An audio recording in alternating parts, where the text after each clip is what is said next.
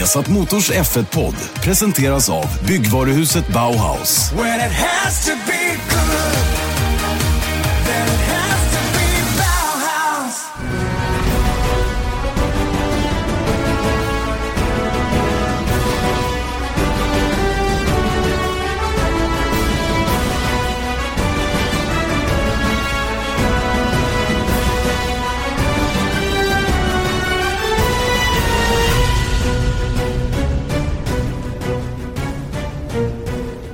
God fortsättning, gott nytt år får man väl säga och mycket välkomna till en ny Formel 1-podd. Formel 1-podden hänger i även in på 2017 och eh, ni hör den som vanligt på Acast, på iTunes eller på viasatsport.se.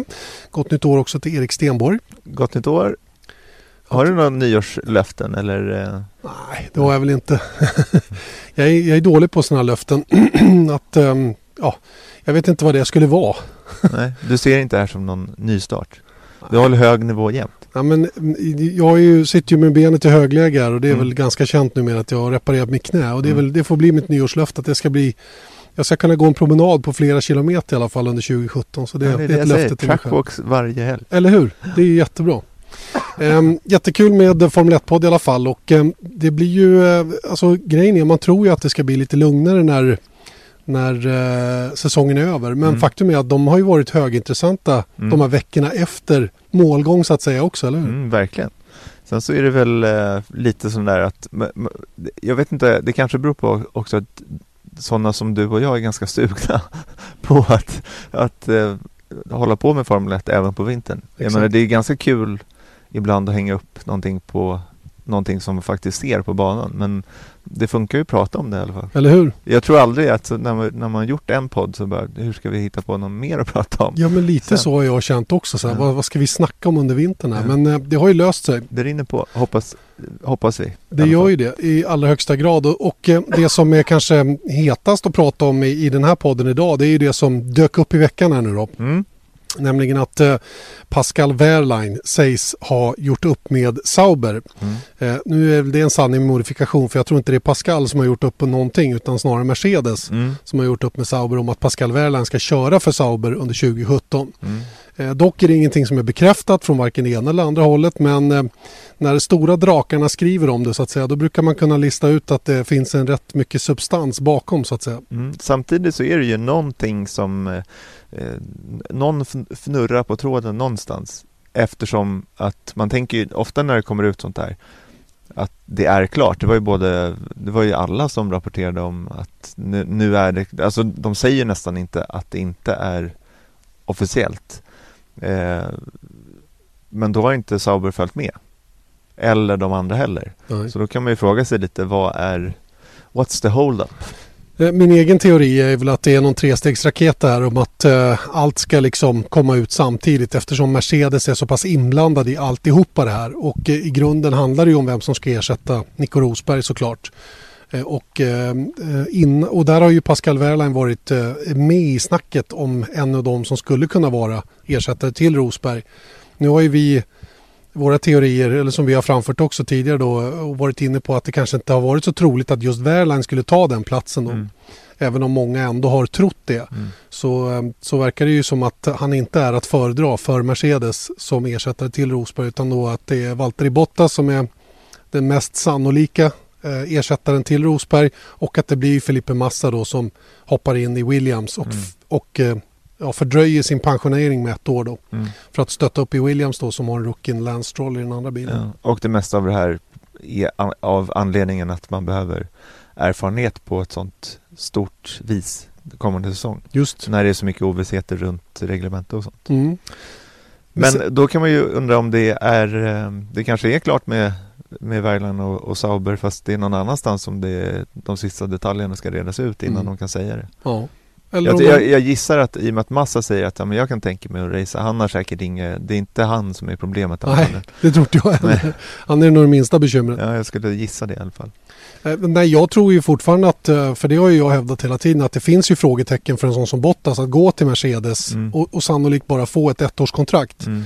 Vad det skulle innebära för honom om man inte får förlängt sen. Mm. Det måste ju han tänka på så att säga. Han måste Mm. ändå, eh, samtidigt så får han ju chansen att köra i fältets kanske bästa bil, i alla fall en utav dem. Mm. Och eh, vem är inte beredd att ta den chansen så att säga? Mm. Hur ser Ja, du men på visst. det? Ja men alltså det, det är ju det, vi har pratat om det många gånger men jag tycker att det är eh, Jag är inte Valtteri Bottas men jag har svårt att se att man skulle liksom Nej men jag fortsätter i Williams För jag får bara ett år Sen så kan man inte, vi kan ju inte säga heller att han bara får ett år Han kanske får ett år plus eh, ett optionsmässigt eller vad det nu kan tänkas vara om han uppnår någon viss eh, i relation till Hamilton till exempel eller En prestationsklausul? Ja, någonting Mm, sånt. Att mm. då har han rätt att fortsätta. Just. Och sen så, who knows? Det kanske inte är något bra att vara i Mercedes 2017, 2018. Nej, det vet man inte heller och vi vet ju heller inte om, om Lewis Hamilton kanske väljer att lägga hjälmen på hyllan efter, Ja, efter visst. nästa säsong och då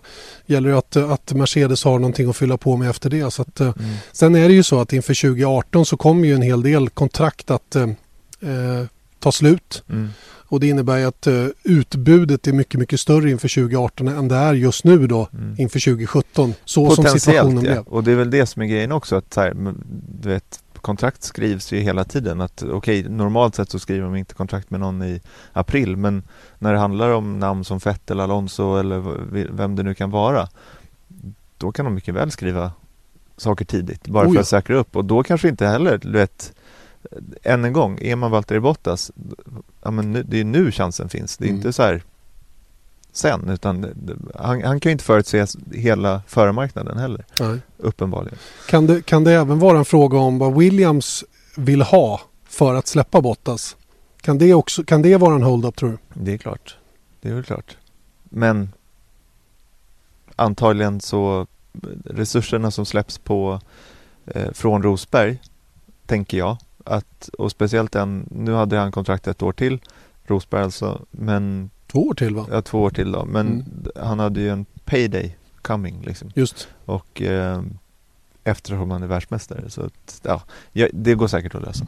Ja, jag tror inte att det är på resurssidan men det ska ju samtidigt spenderas eh, från Mercedes sida så tänker de inte lägga hur mycket pengar som helst för Nej. att lösa frågan så att säga. För, för det finns det ju alternativ till men högst upp på önskelistan är ju uppenbarligen Valtteri Bottas Mm. och eh, om man kan komma överens om det rent ekonomiskt då, om det då är att till och med bjuda på motorer för, för Williams del Mm. eller om det är en, en, en cashutbetalning som det handlar om istället eller vad det nu kan vara. Då. Vi kommer väl veta så mycket vi någonsin kommer få veta när det väl är klart. Ja, vad tror du då? Inom någon vecka eller två? Eller? Det kan Alltså, inte jag- dröja jag- så himla länge. Jag trodde att det skulle vara klart nu. Eh, och jag trodde verkligen det när man läste allting om, eh, om Wehrlein, att nu kommer det liksom. Eh, tisdag, onsdag någonting sånt där Mm. den här veckan. Men det, ja, det är väl, alltså jag tycker verkligen att nästa vecka så borde det vara klart. Mm. Eh, Det roliga är med hela den här historien när Rosberg nu lovade eller bestämde sig för att, att, att sluta så, så trodde man ju kanske att det skulle bli lite mera eh, raffinerat eller Mm. sofistikerad silly season än vad det faktiskt blev. Mm. Och en stor anledning till det tycker jag att det är så eh, Alltså inget ont om massa men det är ju Han är inte det mest spännande för I min bok är han inte den mest spännande Föraren på, på griden. Och han var, hade slutat, han har varit med hur länge som helst och Jag, jag trodde verkligen att här, nu, tänk om liksom de hade slängt in En existerande förare eller en existerande, en, en förare som var klar till nästa år eller vad man Mm. ska säga, att, typ Sainz Mm. i, eh, i Mercedes-leken eller att han skulle till Williams eller vad det nu kunde tänkas vara för då blev det ju ännu mer ruljans. Nu är det fortfarande, då tar de tillbaks en Just det. som var borta så då är de borta och sen så var det bara en då är det egentligen bara en plats att fylla vad gäller för att någon lämnar för att Just. de tog tillbaks en gammal Ja. och sådär. Så det, jag är lite mm, Ja, det hade kunnat vara ännu mer spektakulärt Mm. tror jag. Men lite eh, jag lite klagar inte. snuvad på konfekten känner man sig. Ja. Mm. Nåväl, det- är ju eh, otroligt mycket som talar för att det blir så som vi säger i alla fall. Valtteri Bottas i Mercedes, Felipe Massa kör ett år till i Williams och Pascal Wehrlein kör för Sauber. Mm. Så ser det onekligen ut att kunna bli. Eller, ja, Jag, jag skulle säga, alltså magkänslan säger ju 99 procent ungefär. Att det Absolut. ska se ut så. Sen så tänker jag på, apropå Rosberg när vi pratade lite med honom, så lyssnade jag på en intervju med honom. Och jag kommer ihåg att vi pratade om varför eh, Kekke och alla, hans pappa Kekke och familjen och kompisar och sånt där inte var på plats i Abu Dhabi. Eh, kommer du ihåg det? Mm. Att, eh, för att han under helgen så var det bara som en vanlig helg och det var också en sån där grej som han hade tänkt på. Att han efter Japan som han pratade om att när han hade allting i sina egen, egna händer då hade han nästan panik över att försöka liksom ja, för sig själv ljuga för att allting är som vanligt. Så att till Abu Dhabi så ville ju tydligen många komma, däribland Kekke. Han var ju i Dubai eller någonting sånt där. Mm. Han var i närheten, men han var inte på banan. Och det var efter request från Nico. Att han vill inte se massa, ja, inom situationstecken, nya människor. Nej, Som inga inte normalt sett är där. så att säga. Nej, Nej. Han, han ville liksom att allting i alla fall skulle verka som vanligt.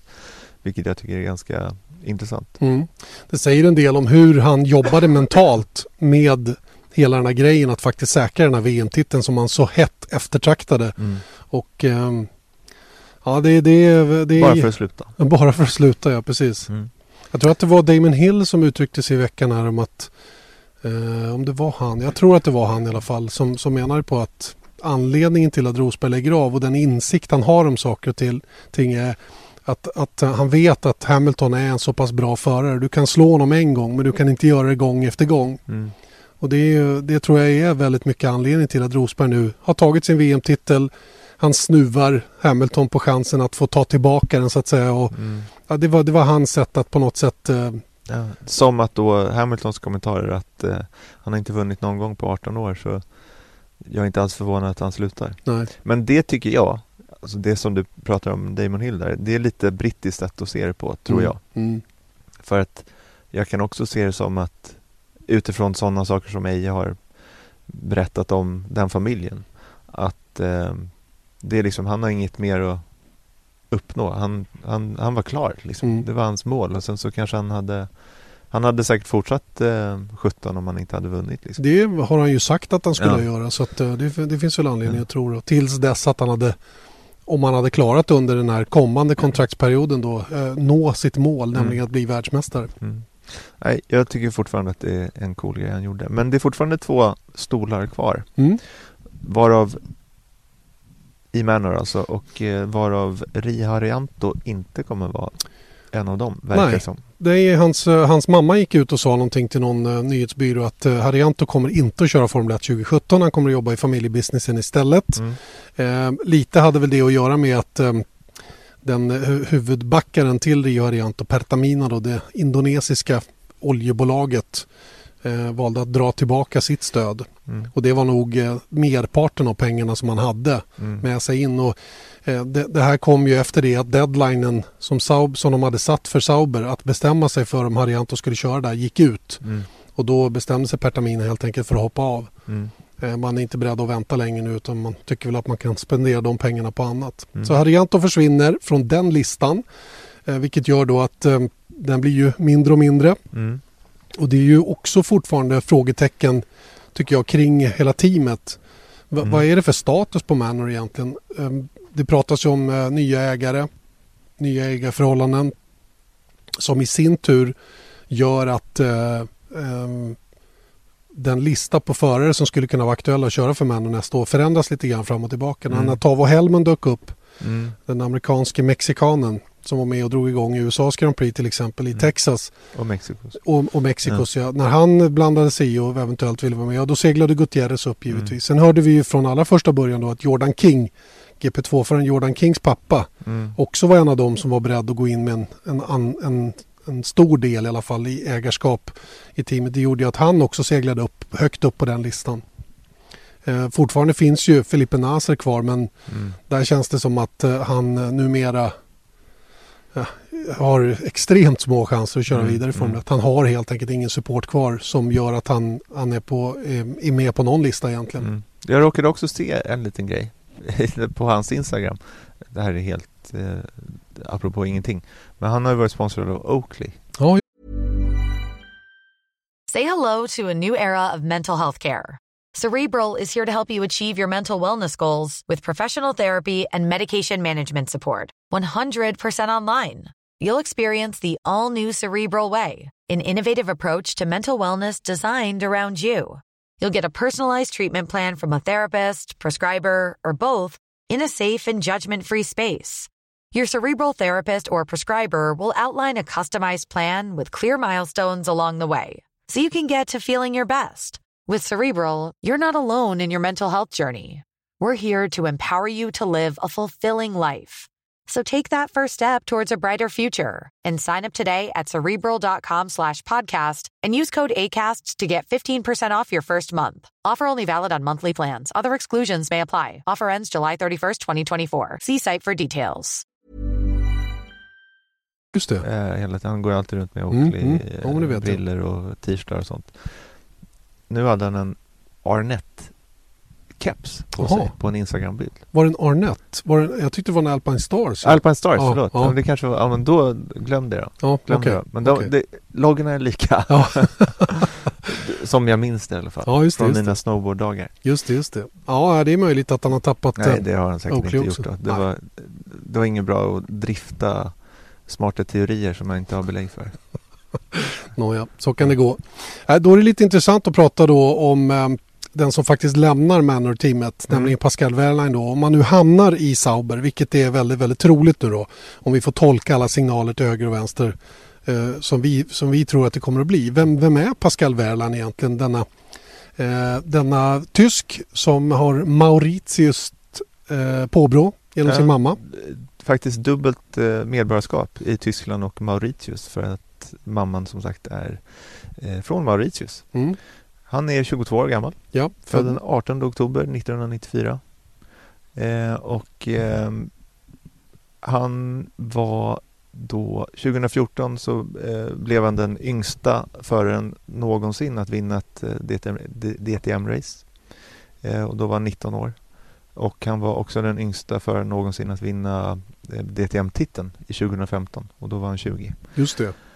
Och sånt där. Och du har ju följt honom eh, Ja, i och med att jag har kommenterat Formel 3 i rätt många år, eh, både Euroseries och eh, Europamästerskapet då som det blev, så stötte jag ju på Wehrlein ganska tidigt, redan 2012 tror jag det var, när han då var teamkamrat med eh, Felix Rosenqvist eh, som då tävlade för mycket motorsport.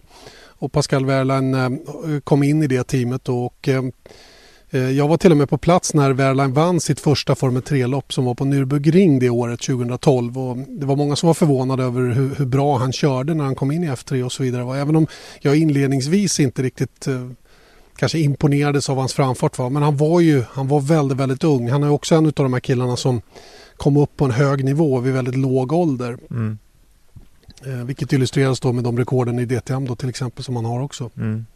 Han började köra ADAC Formel Masters, den tyska Formel... eh, Vad är det för bilar egentligen? Ja, alltså det motsvarar väl ungefär Formel 4 skulle jag tro. ja. En lite mindre formelbil, typ Formula BMW eller någonting i den stilen. Mm. Och han blev eh, sexa första säsongen han körde där eh, 2010 och 2011 så, så vann han mästerskapet eh, med eh, åtta vinster och eh, 13 pallplatser. Sen så gick, tog han steget över till Formel 3 då 2012 Just. eh, där han slutade i Euroseries. Euroseries och EM var ju inte samma sak. Nej, de den- körde ju parallellt. Eh, I Europamästerskapet så ingick några deltävlingar till har jag för mig. Och eh, sen så blev ju alltihopa ett Europamästerskap så småningom då. Mm. Men han, eh, han blev eh, tvåa i Formel 3 Euroseries och fyra i, eh, ja, i riktiga EM då. Just det. Och sen så fyra i Macau. Fortsatte i eh, Formel 3 eh, 2013 och där gick det eh, väl bra. Eh, för han körde bara tre race och var på pallen alla tre. Just det. Eh, innan han då tog eh, steget upp i, i DTM. Med eh, mycket motorsport också. Just det. Eh, fortsatte 2014 eh, fulla säsongen då med eh, eh, också, eh, ja vad ska man säga, eh, med Mercedes. Just det. Och blev åtta i mästerskapet och sen så vann han då 2015. 2015. Mm. Och under den här tiden, han blev ju testförare i Formel 1 2014 då för, eller ja, reservförare för, för eh, Mercedes. Och var reserv för både Mercedes och eh, Force India Just det. 2015. Mm. Och körde ju då eh, debuterade förra året för Manor. Tog eh, teamets enda poäng. Just det, Österrikes Grand Prix. Och det var ju det här 2015-året då när han testade för både Mercedes och Force India som han då enligt vad, vad som sagts i alla fall Mm. ställde till det lite för sig själv då rent attitydsmässigt då och gjorde att Force India i alla fall inte var intresserad av hans tjänster när en ny förare behövdes då efter det att Nico Hülkenberg lämnade för Renault. Mm. En plats som då gick till Esteban Ocon istället. Och sen har de här eh, ryktena om hans eh, kanske inte så bra attityd till saker och ting har liksom hängt med honom runt Mm. omkring. Och det var ju någon incident i USA också med, med Manor-teamet i år när han totalvägrade att göra som teamet sa när de Ja. ville att han skulle stänga av motorn. Och, ja, det varit lite sådana här små grejer runt omkring honom Mm. hela tiden egentligen. Ja, han, han, har, han har, har väl känt kanske att han har Mercedes-backningen liksom som är, står kanske lite över team och, och sånt där. Det är aldrig bra när man är 22 år gammal. Nej, man undrar ju lite grann om medlandet har gått fram nu då. När Mm. han har passerats utav Esteban Ocon i den interna rankingen då som, Mm. som Mercedes junior. Och om det här kommer att göra att han då under nästkommande säsong kanske tar sig an uppgiften på ett annat sätt. Mm. Hur tror du då, sett till, om det nu blir han i Sauber, vad, hur tror du det kommer funka med honom och Eriksson? Jag tror att det kommer att funka alldeles utmärkt för att eh, jag tror inte att Pascal Wehrlein kommer till Sauber kommer inte att påverka Marcus eh, på det sättet. Marcus har ju numera lärt sig att sköta sig själv så att säga i Mm. teamet och göra sin grej. Eh, eh, gör, försöka hela tiden göra sitt bästa. Mm. Och sen får ju det räcka så långt det räcker så att säga. Och eh, att Pascal Wehrlein kommer in det tror jag bara är av godo så tillvida att det är en bra måttstock. Eh, Pascal Wehrlein är en duktig racerförare, riktigt duktig racerförare och han har ju bevisat det på lite olika nivåer hur pass snabb han är. Så att i det avseendet så har han ett högt anseende Mm. vilket gör att om Marcus kan, kan matcha honom och till och med slå honom så har han ju liksom uppnått någonting internt i Sauber-teamet. När det gäller Wehrleins attityds eventuella attitydsproblem så tror jag att det är man ju medveten om givetvis och Sauber också att det här ryktet finns och man, man är Mm. säkert väl för införstådd med vad det är Mm. och det där kommer man att hantera vederbörligt eh, när det uppstår grejer så att säga. Då. Men sannolikt då så har han väl fått sig en lite knäpp på näsan efter den här grejen och så kommer han in i ett team där han vet att den andra föraren går in i sitt tredje år. Då är man kanske inte lika säker på sin sak. Nej, och, och jag menar ska han lyckas i den här, på den här nivån? Ska han verkligen bli någonting och få fortsatt eh, stöd och support från Mercedes som fortsätter att investera rätt stora pengar i hans karriär ändå så, så, måste, han, eh, så, måste, han, så måste han helt enkelt lyckas. Mm. Och då har man inte råd att hålla på och strula bort det genom att inte uppföra sig på rätt Nej. sätt så att säga. Nej. Och, eh, men det det där är ju också en sån där, det, det är ju väldigt spännande med en ny teamkamrat mot Eriksson. Speciellt då när både han och Nasser började ju samtidigt i, eh, i Sauber. Och eh, så de har ju följts åt där men nu har ju Det, det ska bli intressant att se Jag Får verkligen för det första hoppas att ehm, Att eh, Eriksson har ett övertag. För att Annars kan det ju bli lite Jag tror att det är en väldigt bra måttstock för Eriksson och jag tror inte att eh, Värland är egentligen snabbare än, än Eriksson. Det, det tror jag inte. Men Skulle det börja gå Du vet Eriksson har ibland haft lite jobbigt på i början av säsongen att komma igång liksom. Eh, speciellt, jag vet inte om en ny bil liksom påverkar på det sättet heller. Det är ju i och för sig en lite av en equalizer, om man skulle kalla det så. Att båda förarna oavsett vilka de är har ju, det är första gången de kör den här typen av bilar. Lite blankt papper menar Ja. du? Mm. Ja men så är det ju. Så är man det kan ju anta att system och sånt där förändras lite. Och Mm. man, man måste liksom vänja sig vid en ny bil varje år men det här blir ju en, en större tröskel för båda. Absolut. Nej, Fördelen Eriksson har det är att han är bekant med dem han jobbar med och hela den grejen. Då. Nu tror jag att han tappar sin ingenjör. Eh, Craig kommer att sluta eh, Mhm. som vitt jag vet. Eh, nu vet jag att man har, eh, man var ju, ni kommer ihåg Erik, vad hette han då? Erik, Erik Scheivens hette han ja. En holländare som, som Marcus Just han jobbade gick med. Audi. Han gick ju till Audi och Audi lägger ju ner sin sportvagnssatsning nu. Så att eh, det, det fanns väl ambitioner att försöka få tillbaka Erik då som, Mm. som racingingenjör till, till Marcus Eriksson för att de två jobbade väldigt, väldigt bra ihop. Mm. Och Marcus var oerhört nöjd med Erik som, som var en superduktig kille. Mm. Eh, jag tror dock att eh, Scheivens eh, familjeförhållanden inte riktigt tillåter att han åker på Mm, Formel 20 1 eh, race. 20 race. Och den Vadå, det är bara det är ett race mindre i år. Ja, eller hur? Det borde kunna funka. Ja. Nej, men jag tror att Scheivens kommer att återfinnas hos Sauber men kanske i en annan roll. Mm, Okej. Så att eh, vi får väl se vad, vad de hittar på ingenjörssidan för Marcus Eriksson till nästa år och, och vad som finns tillgängligt så att säga. Då. Om Mm. det finns någon internt i teamet som, som kan flytta upp på den positionen eller vad man nu kommer att göra då. Det är ju lite sådana där grejer kan ju vara faktiskt lite oroande innan man hittar rätt Mm. med just den positionen. För det är ju en oerhört viktig del. Och det är så att eh, Craig Gardner ska... Ja, han lägger av. Ja, okej. Om han slutar eller går någon annanstans det vet jag inte. Men han kommer i alla fall inte att vara kvar som, som racingingenjör för Marcus Eriksson. Nej, Okej.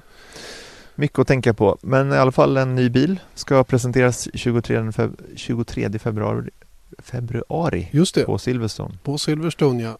Eh, så är det ju dags då för Mercedes att visa upp sin bil. Mm. Så de två, två av de tre stora teamen då har eh, levererat datum då när de kommer att eh, visa upp sina bilar. Eh, W08 som Mercedes nya maskin kommer att heta presenteras alltså den 23 februari. Dagen efter är det va? Så är det dags för Ferrari som har döpt sin bil till 688. Mm.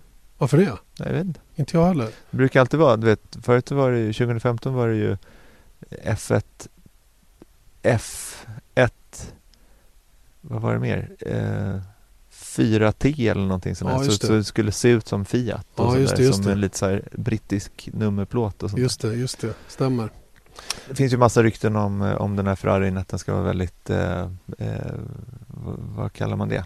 Eh, Alltså färgschemat på den. Nej, ja, dels det, det kommer vi till, men att den ska vara väldigt revolutionerande. Ja, ja, ja. Eh, så, men det, det största snacket är ju ändå om Ferraris livery. Just Att det. det kommer att ha enorma förändringar till nästa år. Just det. Och då började jag tänka, shit, ska den vara gul eller sånt där? Men eh, nej, de, de, eventuellt så ska de ta bort den vita stripen. Just det. Och det är en mycket enkel förklaring till det. Det är nämligen så att man har kommit fram till att de två säsonger tidigare som man har haft den här vita, Mm. vita färgen på, på bilen så har det inte gått något bra. Nej. Och kanske också att det var så för, på 70-talet när de hade det på Niki Laudas. Ja, just det. bil, inte vet jag, men, men eh, det är roligt. Då, de har ju inte så mycket att jobba med riktigt. De har den där röda färgen och sen så ska vi ha en liten vit stripe. Eller ska vi... hur ska den se ut tycker du? Nej, men det är klart Vad är en klassisk Ferrari? Är den vit med svarta vingar eller, eller röd med svarta vingar? Nej, jag tycker att den ska se ut som eh, Gilles Villeneuves, vad heter den? 312? Tolv. Eh, ja. den, den, hade, den var ju röd, så hade den aluminiumfärgade liksom silvervingar Just det. eh, och sen så hade den guldfälgar. Ja, Det hade varit coolt. det var coolt. Men det hade de ju. Ja. Det var ju inte så länge sedan de Nej, hade det. Det nej. var ju, jag såg något klipp från 97 eller någonting Ja, Schumacher hade- körde med guldfärgade Ja. Ja, Ja. det kommer jag ihåg också. Det borde de göra. Ja, vi får väl se. Eh, som sagt, Ferrarin eh, sägs ju bli lite revolutionerande och framförallt så, eh, så går man ju till en ny eh, eh, vad ska vi säga, arkitektur på motorn. Mm. Den ska ju tydligen bli revolutionerande, den nya motorn då som man tar fram till, till nästa säsong. En ny motor inom samma reglemente ska vi säga. Och det är Mm. inget nytt reglemente som kommer utan det är fortsatt den här V6 eh, hybridmotorn då men att den ska se lite annorlunda ut då. Man gjorde ju rätt stora förändringar på den till i år eller till förra året. Mm. Det gick ju Eh, superbra. Ja, den blev, den Nej, blev det var inte säkert... så dåligt. Nej, men den blev ju bättre såklart. Va? Men fortfarande så eh, blev den ju inte så bra som man hade hoppats. Nej, det var ju massa turboras och det var brann, brann om Kimmys huvud och, Ja, det och var ju... Det var lite, och det är lite sådana grejer som, som man har adresserat då när man gör de här förändringarna. Att försöka lindra påfrestningarna på turbon till exempel. Eh, få bättre effekt ur turbon då i deras MGUH Mm. som är den fria återvinningen så att säga. Då, där du kan ta ut hur många hästkrafter du vill då inom ramen för de 250 000 varv per minut som turbon får snurra då. Mm. Men sen var det också någonting med växellådan. De hade ju en del bekymmer med växellådan under året också då. Det var placeringen av växellådan och hjulupphängningen eller, eller infästningarna till, till drivaxlar och sådana saker som, som tydligen hade med att växellådan då blev extra känslig då Mm. och råkade ut för ett antal haverier under året faktiskt. Mm. Mm. Ehm, och apropå Ferrari så har ju de eh, faktiskt eh, börjat då starta den psykologiska krigföringen lite grann också då gentemot de stora konkurrenterna. Mm. Eh, och framförallt då mot Mercedes men kanske delvis också mot Red Bull. Eh, och det handlar ju om, om eh, fjädringen fram eh, på bilarna som har blivit lite omdiskuterad där eh, vi, vet att framförallt Mercedes har ett nytt eh, eh, speciellt system. Mm. Ett system som du och jag har lite svårt att förklara hur det funkar för vi kan inte det helt enkelt. Nej, men det de har gjort att det är Mercedes och Red Bull som, som har något system som jag förstår att de körde med förra året, eh, 2016 alltså. Och då har nu Ferrari skickat ett brev till FIA, alltså Internationella Bilsportförbundet och bett om ett klargörande om den här, de här systemen. För i eh, Say hello to a new era of mental health care. Cerebral is here to help you achieve your mental wellness goals with professional therapy and medication management support. 100% online. You'll experience the all new Cerebral Way, an innovative approach to mental wellness designed around you. You'll get a personalized treatment plan from a therapist, prescriber, or both in a safe and judgment free space. Your cerebral therapist or prescriber will outline a customized plan with clear milestones along the way so you can get to feeling your best. With Cerebral, you're not alone in your mental health journey. We're here to empower you to live a fulfilling life. So take that first step towards a brighter future and sign up today at cerebral.com slash podcast and use code ACAST to get 15% off your first month. Offer only valid on monthly plans. Other exclusions may apply. Offer ends July 31st, 2024. See site for details. liksom i, i, i formen av att så här, får vi göra det här? Så att säga. Just För det. då kommer det upp till ytan. Mm. Eh, och, men vi, vi diskuterade det här innan podden och vi har ju lite svårt att, att förklara Mm. eh, fjädrings eller hjulupphängnings, eh, vad heter det? Anatomi? Nej. Just det, ja. Ja, ja. Hur den ser ut Ja, hur, hur det funkar, hur det ser ut. Just det. Och vi kan ju relatera då tillbaka i tiden då till det här Frick som fanns tidigare då. Front and Rear Interconnected Suspension då som där man sammankopplade fjädring bak och fram och så vidare då som förbjöds eftersom det var en rörlig del som påverkade aerodynamiken. Eh, Men för att förklara lite grann om den här, den här lösningen som man numera använder som, som bygger på samma princip men som inte gör det som man förbjöd, nämligen att koppla ihop eller hjulupphäng eller fjädringen bak och fram. Så, så tog vi hjälp av Jonas Jarlmark. Han är chef nämligen på bilgruppen på Öhlins. Leans Racing, alltså eh, Suspension Technology. Just det. Och han, eh, han, han hjälper oss att förklara lite grann vad, vad det här egentligen handlar om. Jonas, kan inte du förklara för mig och Janne som om vi vore fem år gamla ungefär hur, vad det här handlar om? Det som Ferrari och eh, ja, hela den eh, raddan som har kommit upp i veckan om, eh, om eh, eh suspension. Eh, jag kan försöka. Ehm, under 2014 års säsong så hade en del Formel 1-team stötdämparsystem som kopplade ihop fram och bakvagnen. Och det handlade väldigt mycket om att kontrollera hur bilen betedde sig när man bromsade och accelererade. Så att istället för att den skulle dyka på nosen så skulle den istället sjunka ihop ganska platt eller höja sig rakt upp så att man inte saboterar aerodynamiken under Det- bromsning och acceleration. Det är alltså så- vinkeln på fram och bakvingen och allt som luften träffar då skulle träffas på samma sätt ungefär, eller? Ja, precis. Det är för att bilen ska ligga mera platt mot marken så att den inte tippar framåt eller tippar bakåt. Mm. För det, det är någonting som stör eh, downforce ganska mycket. Man både tappar downforce och det, eh, det förflyttas mellan fram och bakvagn. Ehm, eh, alltså det här aerodynamiska marktrycket. Ja, så det blir oroligt. Ja, det som händer är att bilen blir väldigt svårkontrollerad när bilen tippar framåt och bakåt. Mm. Så för att motverka det där så kopplade man ihop fram och bakdämparna och till att när nosen åkte ner så drog den med sig bakvagnen ner. Mm. Eh, det var väldigt praktiskt. Det blev stabilt och fint. Eh, för att det var lite för bra så att de andra teamen klagade och så blev det till sist förbjudet i alla fall. Mm. Eh, Och det man försöker göra nu det är att man försöker ta tillbaka fördelarna med systemet men utan att koppla ihop fram och bakvagn.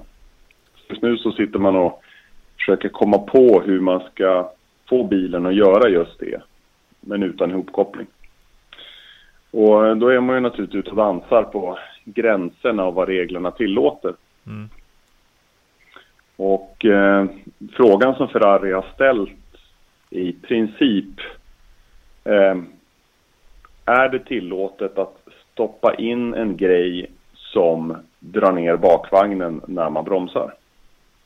Okej. Och, och det här skulle då kunna ske på, på vilket sätt? Eftersom de inte är ihopkopplade med det. Precis, de är inte ihopkopplade så att det finns ju andra sätt att ta rätt på om bilen bromsar eller inte. Eh, Man kan ha, eh, säg att du har en, eh, en liten hydraulackumulator som har byggt upp ett tryck av att fjädringen har rört sig.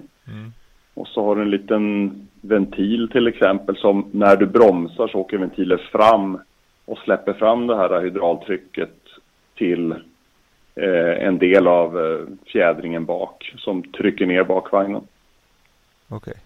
Den typen av system skulle man kunna tänka sig att, eh, att det är frågan om. Och det, det princip det Ferrari frågar Fia om det är okej att göra så på riktigt. Ja. Och det i sin tur då gör sådana team som Mercedes och Red Bull oroliga helt enkelt?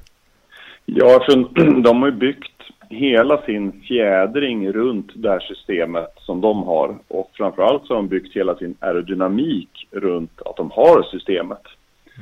Så att om man har den här typen av system som håller bilen mer platt, då kan man också tillåta sig att göra aerodynamiken mer känslig för, ehm, eh, för inbromsningar till exempel. Eftersom man kan kontrollera hur, den, eh, hur mycket bilen pitchar och inte. Just det. Och, är, är, det- plötsligt och, och till exempel, det det pratas jättemycket om rake vad gäller Red Bull. Att eh, helt enkelt att ja, nosen är lägre än, än eh, ändan på bilen. Ja, precis. Och det är en så, ett sätt alltså då att kontrollera att raken hålls konstant. Ja, man kan säga så här. Um, raken på bilen, det är hur bilen står i, när den står på startlinjen. Mm. Vissa bilar är ganska platta så att de har... ehm, all, alla är ju väldigt låga fram. Det, det är det som är en av nycklarna till att få en Formel 1-bil att gå fort. Eh, sen är det en fråga om hur hög bakänden är. Och just Red Bull har skapat en aerodynamik som bygger på att deras bakdel är väldigt hög i grunden. Ja. Eh, sen pitchen som de här systemen försöker motverka, det är att se till att den här raken håller sig på samma värde hela tiden. Så att den inte dyker ner fram och lyfter bak eller tvärtom. Mm. Eh, Men, men när man bygger upp aerodynamiken på bilen, då väljer man en rake som man vill ha, sen jobbar man därifrån. Och just Red Bull har då sagt en ganska aggressiv rake på sin bil i grunden. Kan, kan du berätta lite närmare vad rake är? Nu kommer vi in på lite andra grejer här, men Ja, absolut. och varför Eh, vill man ha det? Rake på bilen är bara skillnaden mellan eh, markfrigången fram och, och markfrigången bak. Mm. Eh, och den, den raken mäts i millimeter. Mm. Eh, om man har en helt plan bottenplatta så kommer raken att ge ett undertryck under hela bilen. Så i princip, ju mer rake man har desto mer undertryck får man. Eh, och här, här har ju Red Bull då utnyttjat det undertrycket väldigt mycket i sin aerodynamik. Problemet är att eh, eftersom man använder hela bottenplattan för att skapa downforce så blir den också väldigt känslig för ändringar i lutning. Ja. Så att om till exempel nosen åker ner mer så ändras det väldigt mycket. Om nosen åker upp mer så ändras det väldigt mycket. Och då kan det till och med bli så att man, man tvingas ha den här typen av eh, stabiliseringssystem för att bilen överhuvudtaget ska gå att köra. Ja. An- Andra team har ju valt att göra mindre aggressiva aerodynamikpaket som mera förlitar sig på vingarna och aerodynamik som inte är så känsligt för hur man eh, lutar bilen. Mm. Så det är nästan så att om, om Red Bull inte skulle ha det här, det skulle man nästan kunna liksom jämföra med när man körde kjolar och eh, aktiv fjädring som Williams hade och, och så under 90-talet var det va? Ja, det kan man verkligen göra för att det de, försök, det de, det de försöker göra i, i, idag det är att eh, återskapa det som de hopkopplade systemen för några år sedan kunde göra. Och det de systemen i sin tur försökte göra, det var att återskapa det som Williams gamla aktiva fjädring gjorde. Mm. Så att man upptäckte på 90-talet att aktiv fjädring och hålla bilen konstant i ride height är jättebra. Ja. Och sen förbjöds det att göras med elektronik och så har man försökt göra det med mekanik. Och till sist så blev det så bra så att även det blev förbjudet. Ja, Och nu försöker man göra det med, eller med mekanik men utan att koppla ihop fram och bakvagn. ja. Det är ganska häftigt ändå. Va- Vartefter som Formel 1-teamen blir bättre och bättre på att hitta på nya lösningar så förbjuder ju FIA fler och fler saker. Ja. För jag, jag kom, läste faktiskt en bok av Nigel Mansell förra året som jag kommer ihåg att när han pratade om den aktiva fjädringen just det du pratar om att när den någon gång hade gått sönder eller inte fungerat som den skulle Ja, då blev det ju inte bra kan jag säga. För honom. nej.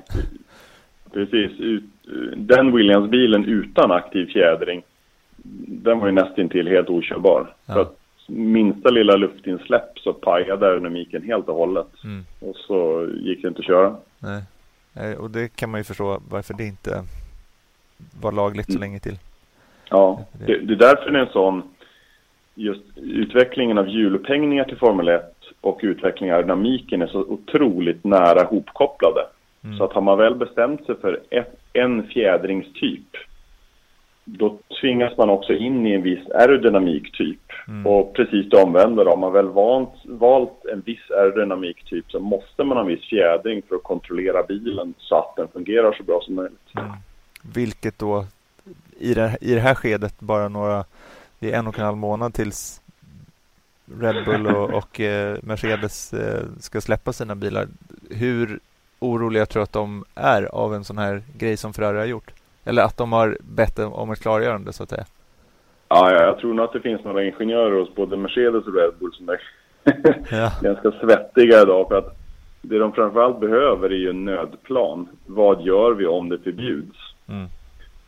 Och där är det ju verkligen kasta sig in i någonting där man vet att ens aerodynamik inte kommer funka så bra och det är något man inte har jobbat och simulerat med. Så Ja. att det, det, kommer bli, det kommer bli jättejobbigt att jobba på Mercedes. ja.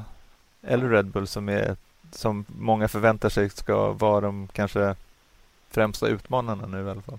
Ja, precis. Det, det finns säkert andra team som har liknande system, men ja, det pekas ju alltid på toppteamen när det kommer till sina innovationer. Ja.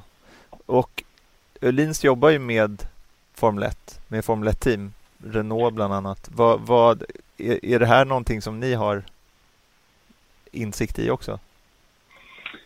Men just, just det kan jag inte berätta så mycket om. Vi jobbar ju med ett antal Formel 1-team eh, och levererar delar till hjulupphängningarna. Mm.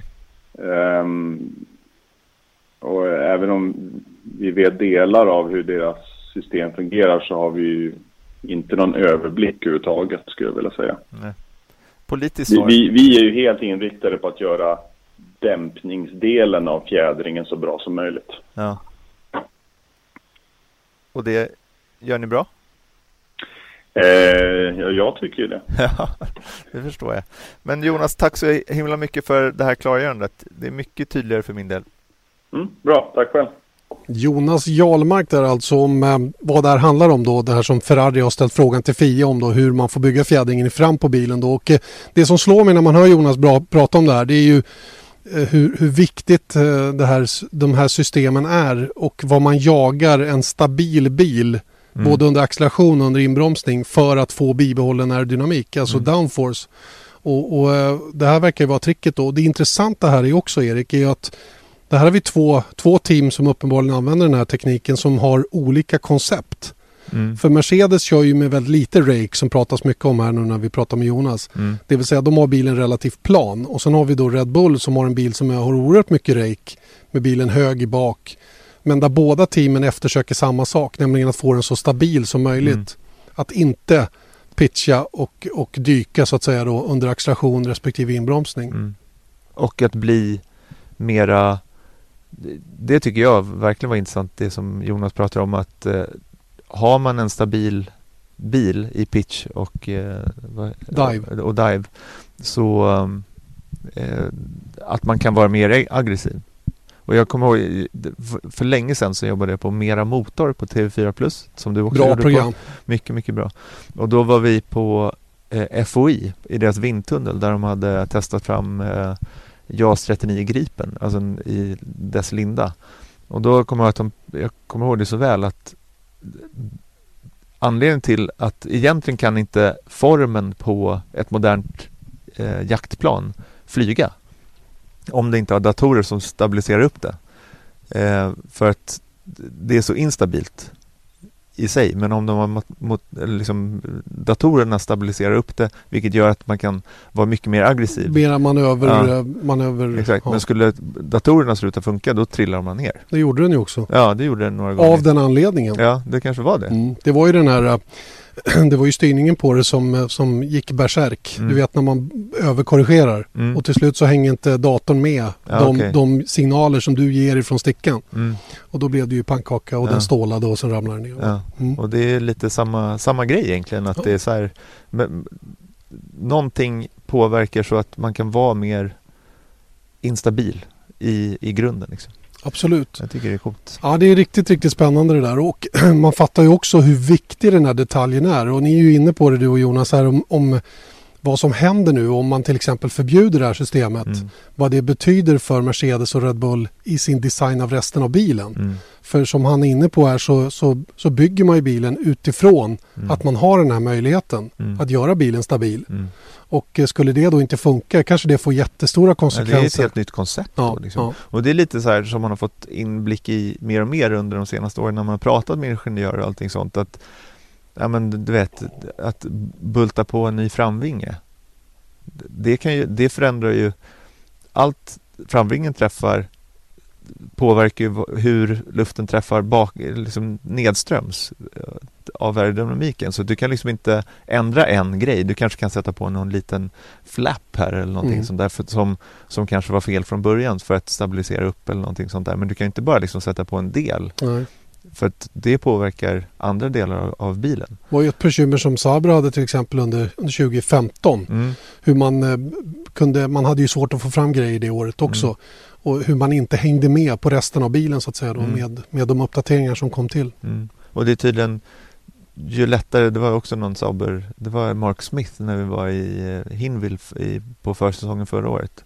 Eh, så pratade jag med honom och då sa han att generellt sett, det är väldigt lätt förklarat, det stämmer inte alla gånger, men ju längre bak på bilen desto lättare har du att byta grejer. Mm. Och ju längre fram du kommer desto svårare är det. Just det, eftersom det påverkar det Ja. som kommer längre bak det på bilen. Bak. Ja. Ja, spännande i alla fall. Vi tackar Jonas Jarlmark för den där insikten i alla fall och det är roligt att de är med och levererar grejer faktiskt fortfarande då. Jag var ju på Öhlins och tittade lite grann på, på deras prylar då när de Mm. jobbade mot Lotus. Mm. Eh, och, eh, och det intressanta med det besöket var ju att Öhlin skulle kunna bygga en mycket, mycket bättre dämpare Mm. än vad de faktiskt levererar. Men teamet jagar vikt. Mm. Att vikten var oerhört mycket viktigare än prestandan i fjädringen. Mm. Och det tycker jag var lite spännande också att, att man faktiskt kompromissar bort en så pass viktig detalj för att få den att väga så lite som möjligt Mm. istället. Ja, men jag kommer ihåg, de visade det var inte den som eh, Lotus hade då, men det var en Gammal En Toyota-dämpare. va? Toyota-dämpare till Le Mans då, men det var ju samma princip. Alltså den var ju, hela dämparen, om man tänker på hur en dämpare ser ut. Den ser ut som en, en arm Ja, ungefär. en underarm. ja. Mm. Ja, men den här såg ut som en tumme. Typ. Ja, det Ja. var så otroligt litet. Så att, Fascinerande. mm, Mycket fascinerande. Eh, när vi då pratar om, eh, om fjädring och sådana saker. Det pratas ju väldigt mycket om att eh, det som eh, utvecklas på Formel 1-bilar eh, på något sätt gynnar oss i vanliga bilar i, i förlängningen på något sätt. Va? Mm. Det här är någonting som Adrian Newey har plockat upp lite grann. Och, han fick väl frågan. ja, han fick frågan och, och svarade Mm. på det helt enkelt. Och hur, hur viktigt är det med så kallad road relevance i Formel 1? Mm. Behöver man verkligen vara det överhuvudtaget? Han, han pekade bland annat på eh, själva hybridtekniken som man använder idag. Som han menar är mer en marknadsföringsgrej än någonting som vi faktiskt kommer att ha nytta av i vanliga bilar framöver. Mm. Och det, jag, jag förstår hans poäng där. För att jag tycker i form av drivlinor och sånt där så kommer ju nu känns det ju som att eh, vanliga bilar eller bilindustrin är egentligen före rent så här, innovationsmässigt.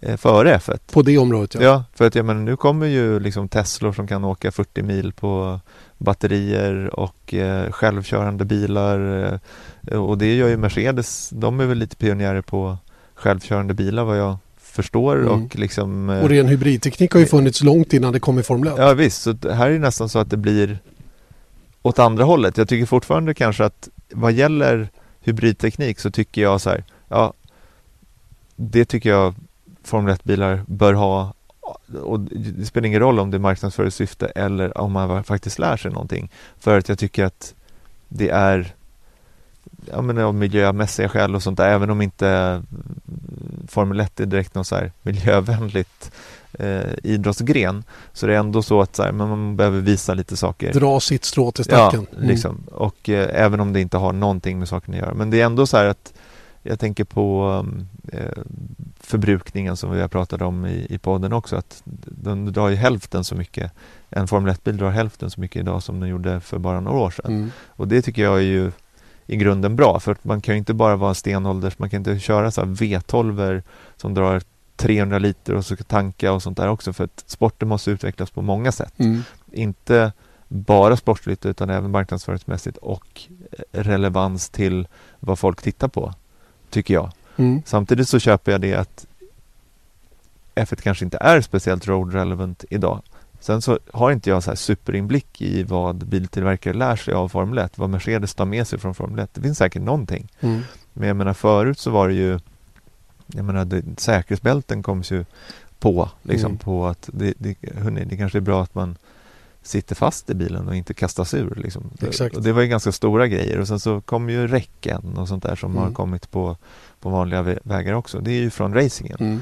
Ehm, Det som är väl kanske det tydligaste som har kommit från, från Formel 1 är ju det här med dubbelkopplingslåda och sådana saker. Eh, paddlar på växel eller på ratten som man använder Mm. och man skickar eh, impulser bara till växellådan som Ja. sköter, sköter jobbet själv så att säga. Då. Ja. Och så, sådana bitar det, har man, det, det kommer ju rak, rakt egentligen från, från Formel 1. Då. mm.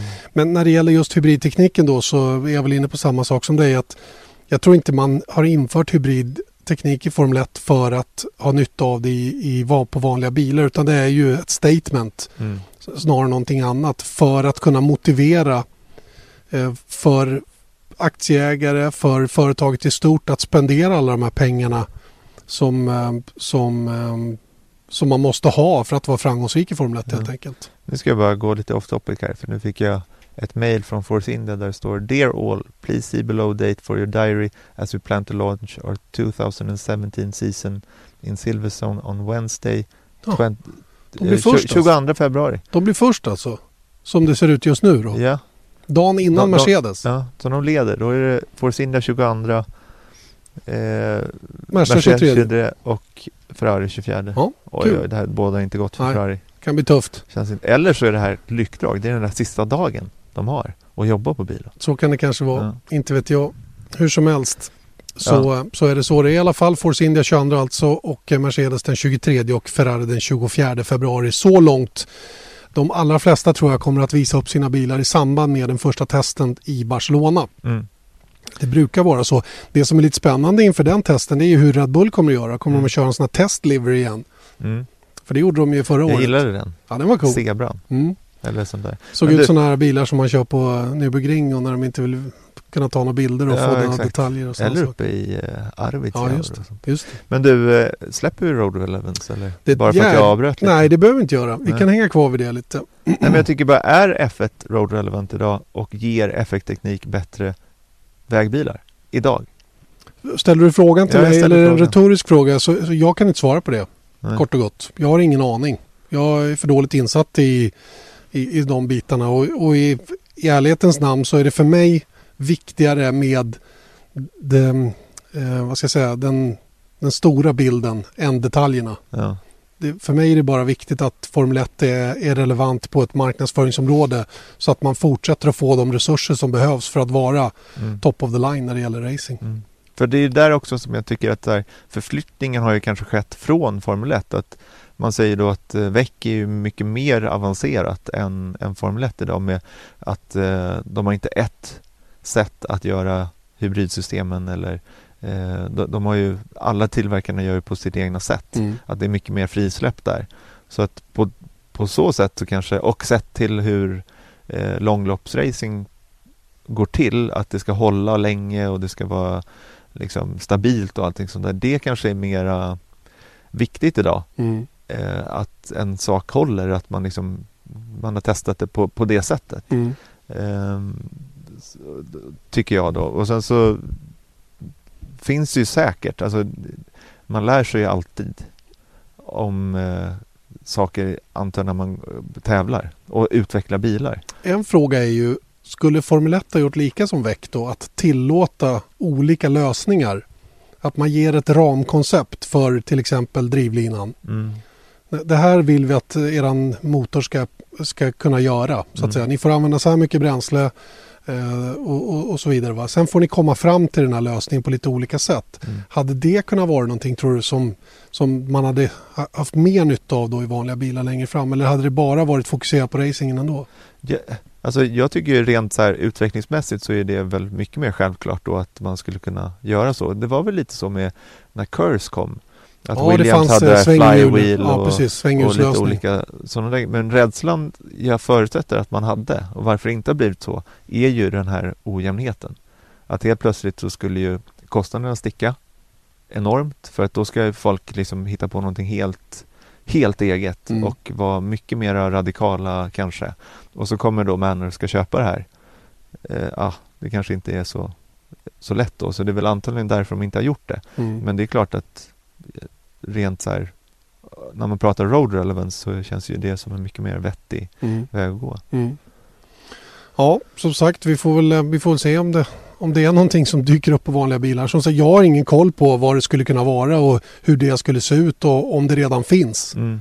Så att säga då. Det är ju lite som du är inne på att vanliga bilar har egentligen varit före Formel 1 i Mm. många avseenden. Sen så kan man ju se det som att här, nu börjar ju supersportbilar komma med liknande teknik och där kanske det finns mer men till eh, liksom en Renault Twingo kanske inte Renaults F1-team bidrar jättemycket i, i varje fall de första stegen men, men däremot till en McLaren P1 där finns ju säkert mycket teknik då men då kanske det är marknadsföringssyfte för McLaren P1 mer att den är så nära en F1-bil Mm. så att det kanske förflyttas på det sättet. Mm. Att eh, väck kanske har mera relevans mot eh, vanliga bilar men, men vad gäller sportbilar sådana som Ferrari och McLaren eh, gör. Det, det intressanta idag tycker jag det är ju hur, hur man kommer att göra med all annan racing. Mm. Eh, för att eh, idag är det ju i praktiken bara eh, de, de stora teamen i World Endurance som, som kör med hybridteknik och i Formel 1. Mm. I övrigt så finns det ju ingen annan racingkategori som använder den här den typen av drivlinje på bilarna. Då. Nej, Formel E. Ja, Formula E är ju Ja. naturligtvis, men det är ju en, det är en väldigt speciell gren så att säga. Då. Eh, Det har tagits fram någon helt eldriven rallycrossbil vet jag också och sådana Mm, saker. det. det, det kanske kommer på sikt. GP2 till exempel kommer ju att skala ner sin motor här nu till, till nästa variant. Ja. Jag kommer inte ihåg, till, det, är inte, det är nog inte till i år men till året därpå, till 2018. En V6 i alla En fall. V6 med Ja. turbo, ja precis. Som, som kommer att användas då istället för de här stora gigantiska V8 på 4,4 liter som man använder idag. Ja. Men det tycker jag är fullkomligt relevant eftersom att GP2s uppgift är att skola folk till Formel 1 eller Mm. högre, högre kategorier än GP2. Mm. Och då tycker jag att det är lite konstigt då att det är inte helt, helt omöjligt att man går från GP2 till Formel 1 eller GP2 till VEC eller vad det nu kan tänkas vara. Och då känns det ju konstigt att ja, man kör den uråldriga tekniken. Hur gamla är GP2-bilarna idag? Du, de är, jag 20. tror de har gått fem eller sex. Jag tror att den kom 2011 den här. Ja, Den, det chassit som man använder idag. ja just det. För att Marcus Då- började köra 2010 10, och då var det gamla. Ja. Just det. Och sen bytte man till 11. Ja. Och sen eh, har man ju dessutom eh, Normalt sett så har ju varje chassidel som man har använt gått tre år. Mm. Sen har man bytt. Men av kostnadsskäl då så har man hängt kvar vid samma gamla då. Ja, och det- GP3 fick en ny bil till i år. Eller till 2016. Just det. Och det är därför GP2-bilarna än idag ser ganska lika ut som de gjorde 2000 F1-bilarna Just det, eh, när de som kom körde 2009. 2009-2010. Mm. Breda framvingar, ganska smala bakvingar och sånt Mm, där. Och då mm. tycker jag verkligen att, och det kanske var smart att de inte släppte en ny GP2-bil till i år eller till 2016 för att då kanske vara lite mer lika eh, I nästa upplaga som kommer till ja, exakt, 2018. att- Mm. i och med att det är så stor skillnad då. Ja, blir intressant att följa den utvecklingen också givetvis. Eh, jag tycker det är hög tid därmed att runda av eh, dagens F1-podd som jag tycker har varit intressant. Kul, eh, kul med Wehrlein. Vi får se när och om det blir bekräftat officiellt att Verland kör då med Marcus Eriksson i Sauber 2017 och vem då som kommer in istället för Nico Rosberg. Mest troliga är alltså Valtteri Bottas då som vi har varit inne på. En ny Formel 1-podd kommer om en vecka igen. Då är vi tillbaka. Nya friska tag. Då har jag eh, förhoppningsvis repat mig lite ytterligare. Kanske, Kanske- kan dansa i podden. Kanske till och med kan dansa i podden, man vet aldrig. Men eh, som sagt, häng med oss fortsättningsvis också så är vi tillbaka om en vecka igen. Tack så länge säger vi nu, Janne Blomqvist och Erik Stenborg. Vesat Motors F1-podd presenterades av byggvaruhuset Bauhaus.